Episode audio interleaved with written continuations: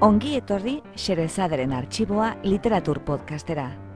Podcast hau egiten dugu Jason Elarrinagak eta Ana Moralesek Bilbo Iria Irratiko estudioan. Guk bezala, zuk ere uste baduzu munduan gauza gutxi direla, hain atseginak nola ipuin bat patxada zentzutea, gera zaitez gurekin. Eta prestatu munduko kontakizunik bikainenak euskaraz entzuteko.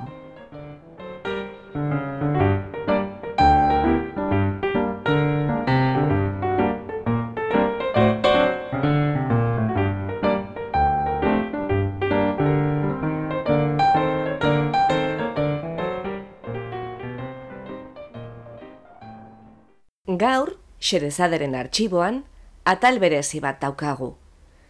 Izan ere, gure ituraz bestela eta salbuespenez, aurri puinak irakurriko ditugu, eta aparteko bi entzuleri eskainiko dizkiegu. Elaia Larrinagari eta Martin Rockeri, biak ere, ipuin sale finak direlako. Gainera, irakurle gonbidatu bat izango dugu. Dorleta Kortasar ipuin kontalaria berak euskaratu ditu gaurko ipuin biak. Lehenengo ipuina, Pep Brunorena da, eta izena du, Itzelandien lokuluska. Itzelandiak familia bat dira, erraldoi izatera heldu barik, nahiko handiak omen direnak. Egun batean ondartzara joan dira eta lokuluska egiteko orduan, etxeko umeek ipuinak eskatu dizkiote aitari. Ipuin bakoitzerako abiapuntua izango da umeek egindako galdera zailbana. Aita, galdera bakoitzari erantzuten saiatuko da ipuin baten bidez. Bigarren ipuina, Jim Baulirena da, eta izena du, Jack eta eriotza. Bizitzaren erdian, erio azaldu zaio Jacki. Zergatik, zertarako. Jakek trikimailu bat asmatuko du erio menderatzeko. Baina, baina, baina. Entzun ditzagun, Pep Brunoren itzelandien lokuluska eta Tim Bauliren Jack eta eriotza. Dorleta kortazarren ahotsean eta itzulpenean. Elaia, Martin, zuentzat dira xerezaderen artxiboko gaurko ipuinak. Itzelandien lokuluska. Egilea, Pep Bruno. Itzultzailea, Dorleta Kortazar.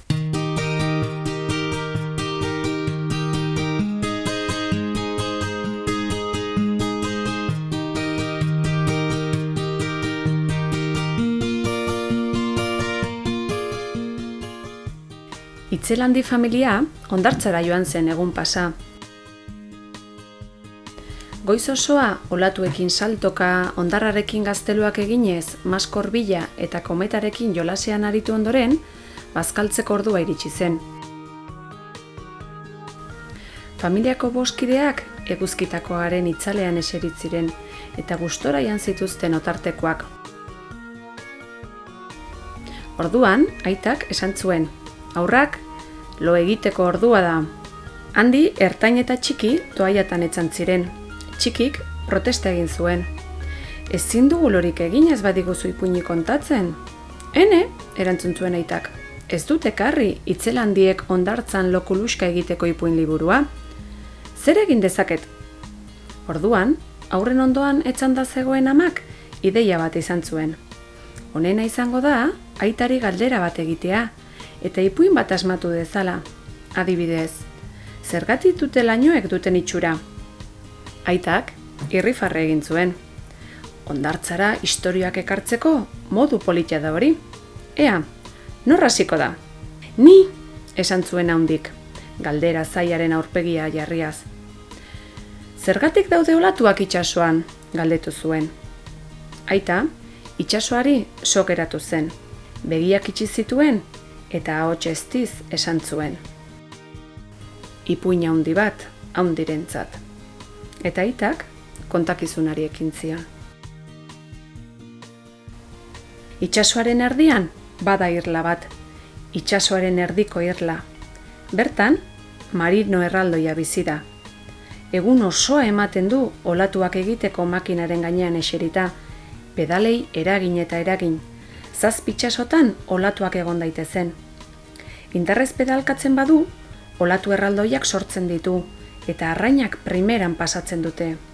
Poliki pedalkatzen badu, olatuak aurren oinak mihizkatzen dituzten ferekak dira. Egun batean, Marinok atxeden txiki bat hartu zuen lokuluska labur bat egiteko. Eta pentsatu zuen. Ziur, ez dagoela ezer gustagarriagorik olatuen ondoan lokuluska egitea baino. Baina atxeden hartzen baldin bazuen, itsasoa olaturi gabe gelditzen zen. Bere lagun handi zoroitu zen orduan, eta eskutitz bat idaztea erabaki zuen lagun ziezaion. Handi lagun maitea. Denbora da, zutaz ezerrez dakidala. Lanpetua ibiliko zara izarrak zenbatzen edo mendiko basoak orrazten. Izugarri gustatuko litzaidake bisitan etorreko bazina. Munduko erraldoirik zorion txuena egingo nindukezu, eta olatuak egiteko makina erakutsiko nizuke. Besarkada erraldoi bat, Marino. Marinok botila baten barruan sartu zuen idatzitako eskutitza. Ondoren, pedalkada indartsuak eman zituen, olatuek botila bere elmugara eraman zezaten. Botilak, izurdeekin eta itxasizarrekin jolasean egin zuen, dordokekin eta arrainegalariekin, marmokekin eta baleekin, Eguzkia hiru aldiz ikusi zuen sartzen eta hiru aldiz irteten.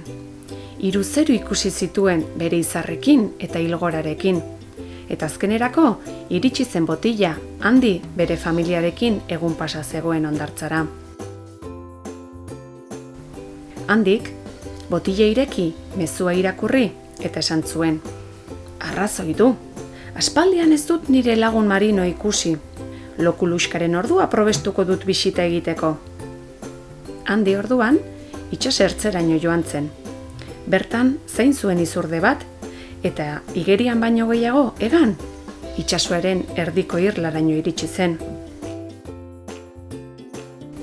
Haundi, izugarri posten naizu ikusteaz, esan zuen marinok bere besoen artean laguna estu besarkatzen zuela. Gauza asko ditugu elkarri kontatzeko, baina zer baino lehen, mesede bat eskatu nahiko nizuke? Ara, eta zer egin dezaket ba, nik zugatik? Galetu zion orduan handik.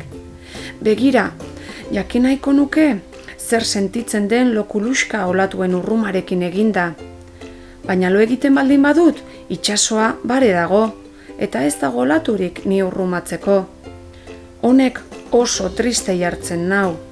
Olatuak egiteko makina erabiltzen erakutsiko banizu, olatuek ulunkatuta lo egin izango nuke, eta munduko erraldoirik zorion txuena egingo nindukezu.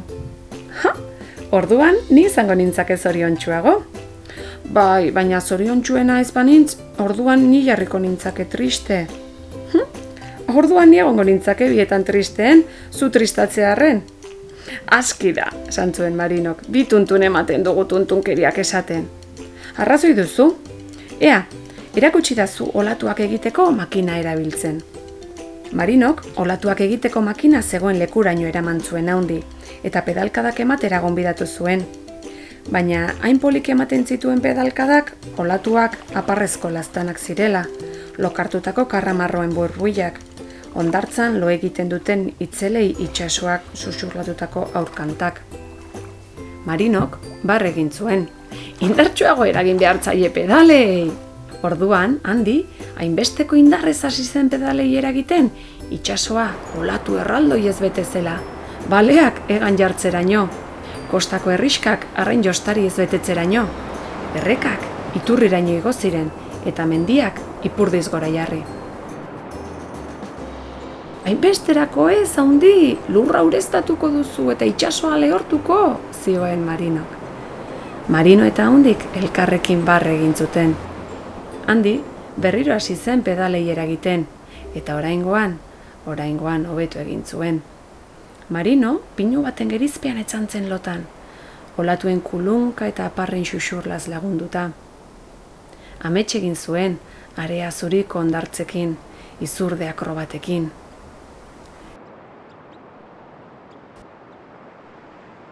Eta esnatu zenean, esan zuen. Mila eskerra hundi, bailo kuluska ederra. Ez horregatik, plazerra izan da. Marinok, haundi, meriendatzera gonbidatu zuen. Handik, azken pastel zatia jantzuenean, izurdea azaldu zen, bere familiaren gana, bueltan eramateko prest. Joan beharra dut, esan zuen handik, familia esnatu baino lehen, bueltan egon nahiko nuke. Plazerra izan da zurekin arratsalde zoragarri hau igarotzea, esan zion Marinok. Plazerra nirea izan da, erantzun zion orduan handik. Nirea plazer erraldoia izan da, Marinok orduan. Ba nirea ez da irla osoan kabitzen. Aski da, bituntun ematen dugu tuntunkeriak esaten. Besarkada estua eman zioten elkarri. Handik, itzultzerako bidaiari ekin zion eta ondartzara iritsi zen familia esnatu baino lehen. Gustatu zaizue ipuina? Galdetu zuen aitak kontakizuna amaitzean. Niri bai, esan zuen ertainek.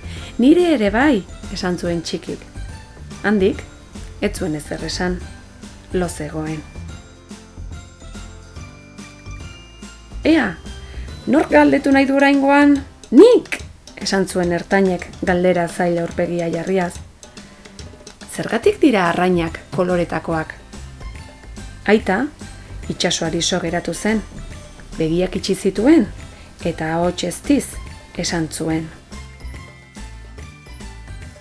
Ipuin ertain bat ertainentzat. Eta kontakizunari ekin zion. Itxasoaren erdian bada irla bat, itxasoaren erdiko irla. Bertan, marino erraldoia bizi da. Irlaren beste muturrean, zurrunga erraldoia bizi da. Egun osoa ematen du lo. Gustora lo egiten badu, koloretako arrainekin egiten du amets, koralekin eta itsasoaren joan etorriarekin dantzan egiten duten algeekin. Gaizkilo egiten badu, tiburoiekin, barrakudekin, marmokekin egiten du amets. Esnatzen denean, bere burkoaren azpian ametsek bertan utzitako haziak aurkitzen ditu. Zurrunga erraldoiak, haziak itsasora bota eta amestutako arrain bihurtzen dira. Horregatik dago itsasoan hainbeste koloretako arrain. Behin zurrungak ezin zuen lorik egin. Era guztietako saiakerak egin zituen. Hankak burkoaren gainean jarrita, armainuaren gainean, baineran etzanda, kulunka unkian eserita. Oh, esan zuen. Loa galdu dut. Eta oso triste jarri zen. Zer egingo dute arrainek? Nor kamestuko ditu beren koloreak? Bapatean, bere lagun ertain etorri zitzaion gogora. Ziur laguntzeko moduan izango dela. Arkatza eta paper hartu zituen, eta eskutitz bat idazteari ekin zion. Ertain lagun maitea. Bada denbora elkar ikusten ez dugula. Lanpetua ibiliko zara, aizarekin berriketan edo soroetan abenturak bizitzen. Bisitan etor zaitezke, eta nire loa aurkitzen lagundu. Uste dut, galdu egin dudala. Besarka derraldoi bat, zurrunga. Zinta gorriz lotu zuen eskutitza, eta pelikanoari eskatu zion ertaini eramateko. Mezuak, egan egin zuen itsasoaren gainetik, zeruaren azpitik. Eguzkia, hiru aldiz ikusi zuen sartzen eta hiru aldiz irteten. Hiru zeru ikusi zituen bere izarrekin eta ilargibetearekin. Eta azkenerako, iritsi zen, ertain bere familiarekin egun pasa zegoen ondartzara. Ertainek eskutitza hartu irakurri eta esan zuen. Arrazoi du, aspaldian ez dut nire lagun zurrunga ikusi, kuluiskaren ordua probestuko dut bizitan joateko. Ertain, itxasertzeraino joan zen, izurdea zain zuen bertan, eta igerian baino gehiago egan, itxasoaren erdiko irlaraino iritsi zen. Ertain, ze ederra zu ikustea, esan zuen zurrungak bere beso artean estu hartzen zuela. Asko arduratu nintzen zure eskutitza irakurtzean, erantzun zion ertainek. Triste nago, oraindik ez dudalako loa aurkitu. Lagunduko zen idako bilatzen? Noski? Az gaite zen. Lehengo zure etxean bilatuko dugu, eta ondoren irla osoan. Etxea, hankaz gora zegoen. Oea maaiaren gainean, bainera armailuaren azpian, sofa lorategian, ipuinak komunean. Zurrungak guztian astu zuen bere loaren bila. Hasi baino lehen, agian hau guzti hau apur bat txukundu beharko genuke, esan zuen ertainek. Guztia lorategira atera zuten, eta ondoren, gauza guztiak berriro bere lekuan jarri zituzten. Oea logelan, maia jangelan, liburuak liburutegian. Amaitu zutenean, nekatuta zeuden arren, ertainek, loa aurkitzeko plan bat pentsatu zuen. Marrazkiak egin zituen, oharrak idatzi, kontuak egin. Guztia prest izan zuenean, zurrungaren bila joan zen. Baina zurrunga, bien bitartean, sofan eseri zen. Bere lekuan zegoen jada, sofa, liburutegian, liburuen parean. Eta liburu bat hartu, eta irakurtzen hasi orduko, lo seko geratua zen zurrunga. Ertainek, liburutegira sartu eta laguna ikusi zuenean, irribar egin zuen. Ara, zurrungak berak bakarrik, inoren beharri gabe aurkitu du bere loa. Ertainek, pentsatu zuen orduan. Ohar bat utziko diot, eta nire familiarekin bueltatuko naiz. Hala idatzi zuen. Zurrunga maitea, ikusi dut loa aurkitu duzula, posten naiz. Aurkitu izateko idatzi dudan plan uzten dizut. Beste noizbait beharra suertatzen baldin bazaizu izugarri ondo pasatu dut zurekin, besarkada bat, ertain. Ertainek, musu eman zion zurrungari, eta oharra liburuaren ondoan utzi zion. Ondoren, izurderen gainera igo, eta ondartzare iritsi zen, familia esnatu baino lehenago. Gustatu zaizue ipuina? Galdetu zuen aitak, kontakizuna amaitzean. Niri bai, erantzun zuen txikik, Ertainek ez zuen erantzun, lo zegoen haundiren ondoan. Ea, zure txanda txiki. Txikik orduan, galdera zaiaren aurpegia jarri eta esan zuen. Nor sendatzen ditu itxasoko animaliak? Aita, itxasoari so geratu zen, begiak itxi zituen eta ahotsestiz esan zuen. Ipuin txiki bat, txikirentzat. Itxasoaren erdian, bada irla bat, itxasoaren erdiko irla.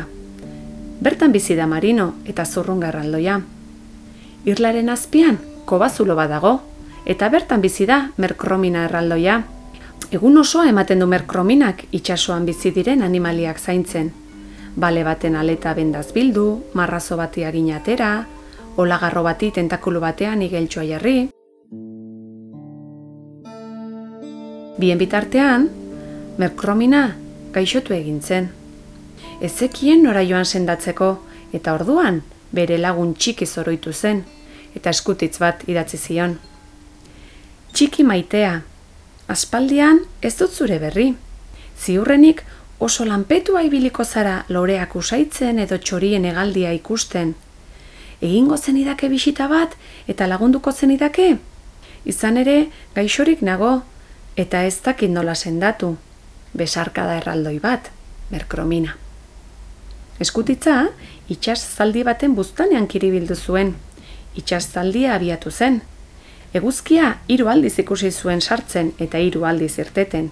Hiru zeru ikusi zituen bere izarrekin eta hilbeerarekin.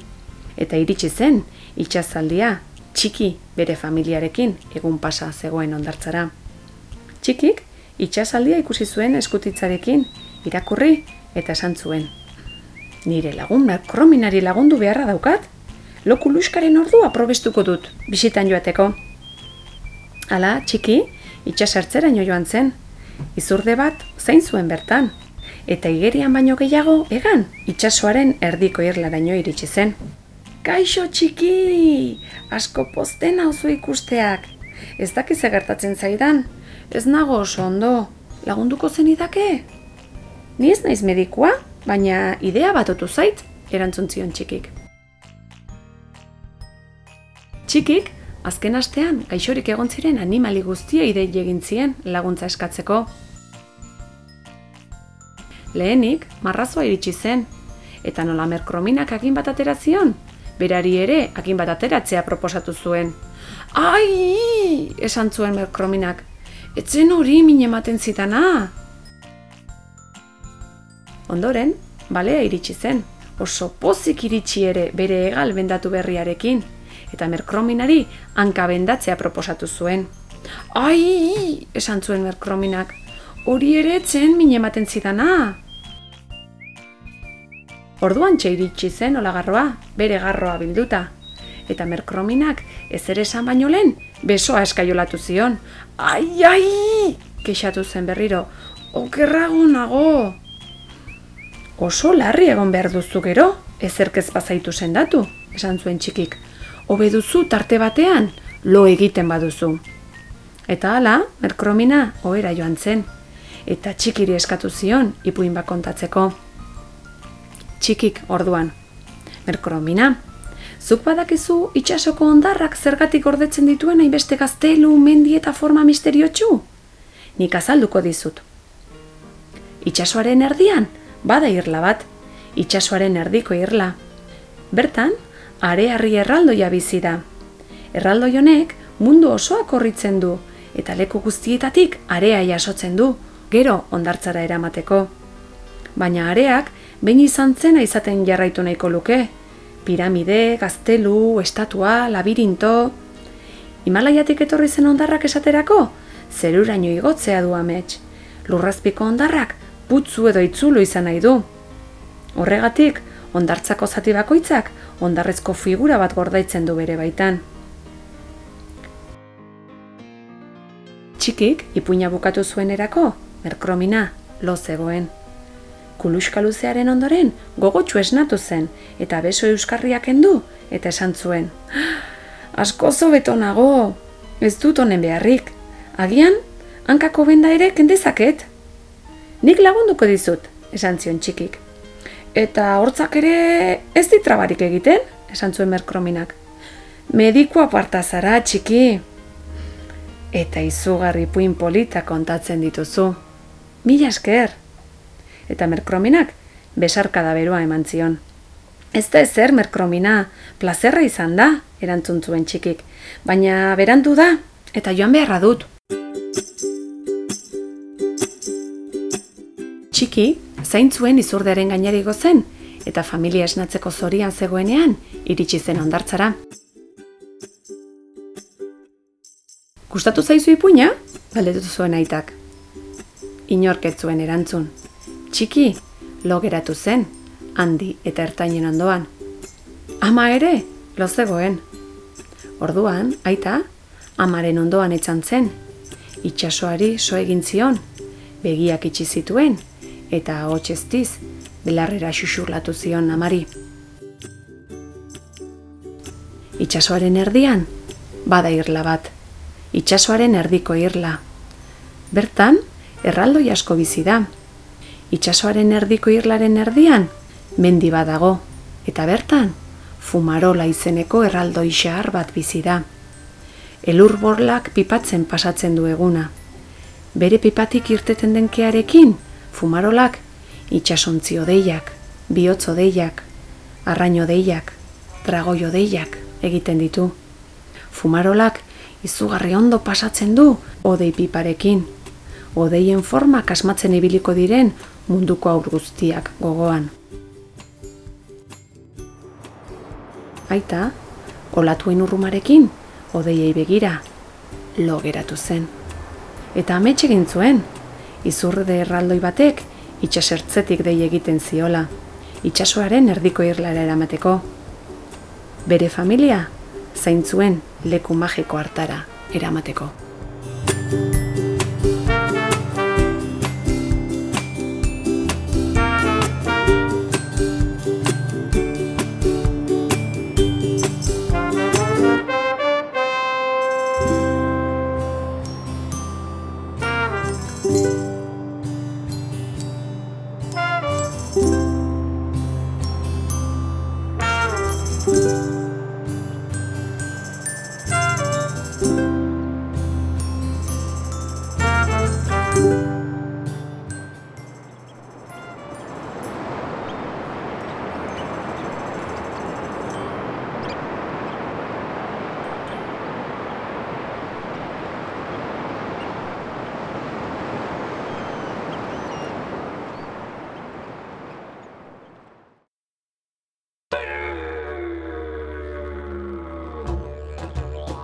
Jack eta eriotza. Egilea, Tim Boyle. Itzultzailea Dorleta Kortazar.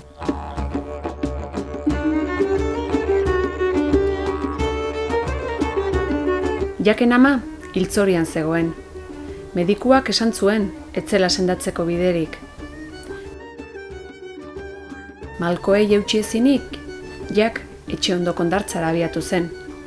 Bapatean, parez pare, irudi luzeska bat agertu zitzaion, kapa beltza zeraman aldean, eta aurpegia txanopean eskutatuta. Eta esan zion, mutiko, esaidazu, nondik joaten da Benstolk familiaren etxera? Jak, momentuan konturatu zen, ura, eriotza zela, bere amaren bila zetorrena. Jak, mutiko bizkorra zenez, galdetu zion. Eta nork jakin nahi du? Eriotzak? Ez dizu sinisten, ziur lapurrean datorren norbait zarela. Mutiko, ni eriotza naiz. Lan asko dut eta denbora gutxi. Beraz, esaidazu, behingoagatik. Nundik joaten da Binstol familiaren etxera. Ados, baina esatea nahi baldin baduzu, erakutsi egin beharko didazu, egiazki, eriotza zarela. Eriotzak, asperen egin, eta esan zuen. Ados, zer nahi duzu nik egitea? Benetan eriotza baldin batzara? Zeru guztia estaltzeko gai izango zara.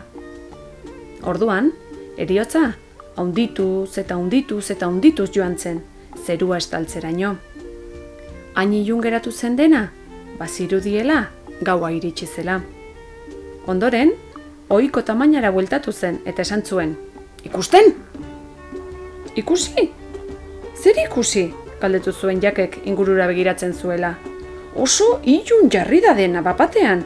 Ezin izan dute zer ikusi? Beste zerbait egin beharko duzu. Benetan eriotza baldin bazara?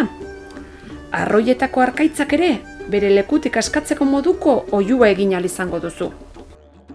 Orientzun zuenean, eriotzak oiu lazgarria egin zuen.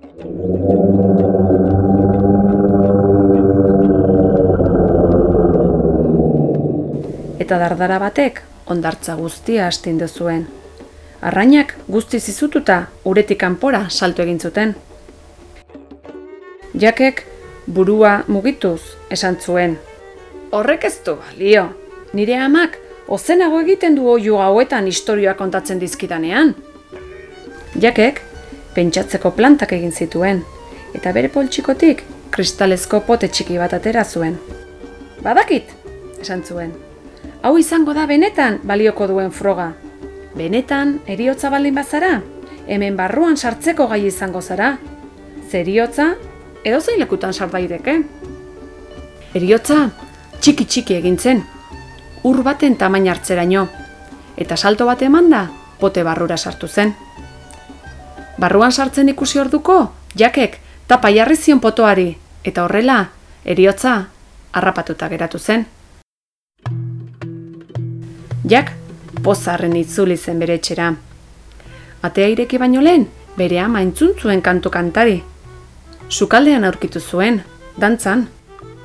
Jak, asko zobeto nago, esan zuen, baina goseak amorratzen nago. Zoa zarategira eta erosi urdai pixka bat. Abiatu zen, jak, arakina atean aurkitu zuen, izerdi patxetan. Egun on, urdai pixka ba nahiko nuke, Jak, esan zion arakinak arnazestuka. Koiz guztia daramat txerri bat akabatu nahian, baina egin alak eginda ere, ez da hiltzen.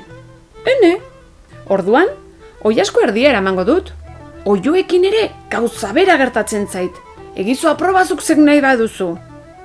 Jak, arakinaren ikutxura joan zen, eta saiatu zen txerriari labana sartzen, baina labanak errebotatu egiten zuen. Lepoa moztu zion oioari, baina buruak lepora salto egin zuen bueltan. Jak, arridura urpegia jarri, arakinari labana bueltan eman, eta etxera itzuli zen. Etxera iriestean, amari esan zion. Ama, gaur oso egun arraroa da, arakinak ezin izan du ez txerririk ez da oiorik akabatu. Etzaitez arduratu raztana. Zuaz baratzera eta ekarri barazki batzuk, salda eder egingo dugu. Jak, baratzera joan zen, eta saiatu zen azenario bat hartzen, baina erdia kanpoan zegoen momentuan, intermisterio batek azenarioa beherantzera zuen, eta lurperatuta geratu zen berriro. Ezin izan zuen patadarik edo lekarik jaso, sagar bakar bat ere ez. Etxera bueltatu zen, eta mari kontatu zion gertatutakoa. Ez dio axola, erantzun zion amak, beranduago jango dugu. Denborak aurrera ginala, jak, bere ama eta gainontzeko herritarrak gosetzen hasi ziren. Jendeak ez zuen zer janik, eta gero eta gauza gehiago zegoen, euli gehiago, arkakuxo gehiago, eltxo gehiago. Orduan, jaken amak esan zuen. Ez dakiz gertatzen den, jende guztia oso arraro dago, baina ez nintzake harrituko zuk honetan guztian zer ikusiren bat izatea. Jakek lurrera begiratu eta esan zuen. Egia esan, eriotzarekin topo egin nuen. Zure bila zetorren eta nik pote batean sartu nuen. Oh, jak, esan zion amak, semea besarkatzen zuen bitartean. Zure asmoa ederra da oso, baina honek ezin durrela jarraitu. Eriotza aske utzi beharra duzu. Begiak malkotan zituela, jakek ezin izan zuen hitzik esan. Muxo eman zion amari eta korrik abiatu zen ondartzaran. Luzaro egon zenan ondartzan batetik bestera, egin behar zuena egiteko nahikoa adore bilatu nahian. Azkenerako, potea atera zuen, tapa jaso, eta eriotza, salto bat eman datera zen bertatik. Mila esker, jak, esan zuen maitekiro. Agian orain, ulertuko duzu ez naizela bizitzaren etxaia. Txampon beraren bi aldea gara. Ni gabe, bizitza, ez litzake izango tristurak jota egon arren, jakek eriotzari aurretz aurre begiratu zion, eta atzarekin seinalatuz esan zuen. Binstoltarren etxea bide horretatik aurrera joan da dago. Gero arte, jak, esan zuen eriotzak. Noiz bait, elkarri ikusiko dugu berriro. Eta konturatu orduko, desagertu egintzen eriotza. Jak, ondartzan geratu zen, olatuen joan etorriari so. Iluntzean, etxera bueltatu zen. Bertan aurkitu zuen ama, bere gogoko aulkian eserita, aurpegian, irribarre zabala zuela hilda.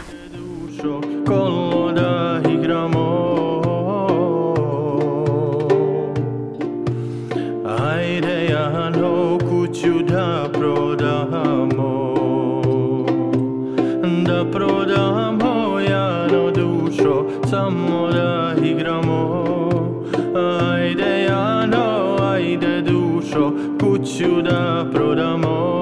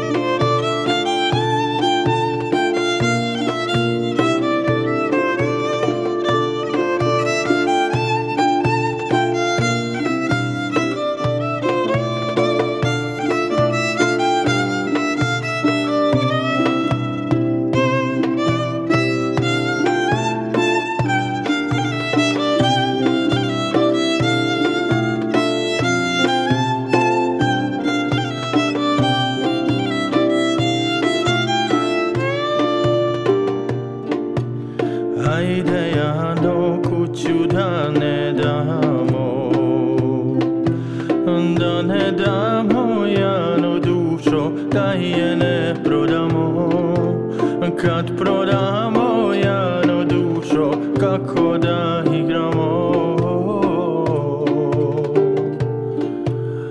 Ajde jano pesme da pevamo. Da pevamo jano dušo, da ih sačuvamo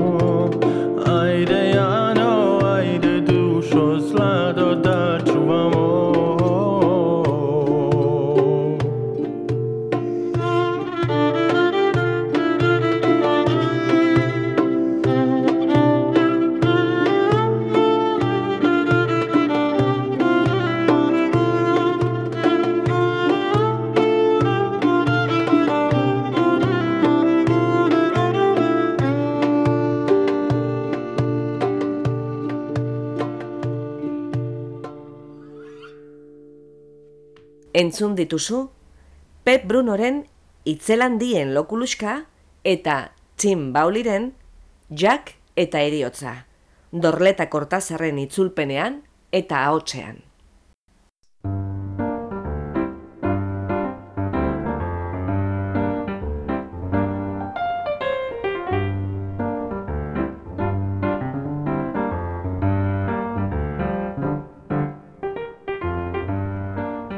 Xerezaderen artxiboko beste atal bat entzun duzu. Gure doinoa da Charleston Behind the Attic Door, Dance of the Wind taldearena. Besterik adierazi ezean, gure musikak jamendo.cometik hartuak dira, eta soinu efektuak berriz freesound.cometik ateratakoak. Podcast hau egiten dugu Jason Elarrinagak eta Ana Moralesek Bilbo Iria Irratiko estudioan, Leioan eta Mungian. Mila esker gurera hurbiltzeagatik. Gustura egon bazara? Erdu urrengo batean ostera ere, Xerezaderen artxiboa literatur podcastera. Laster arte!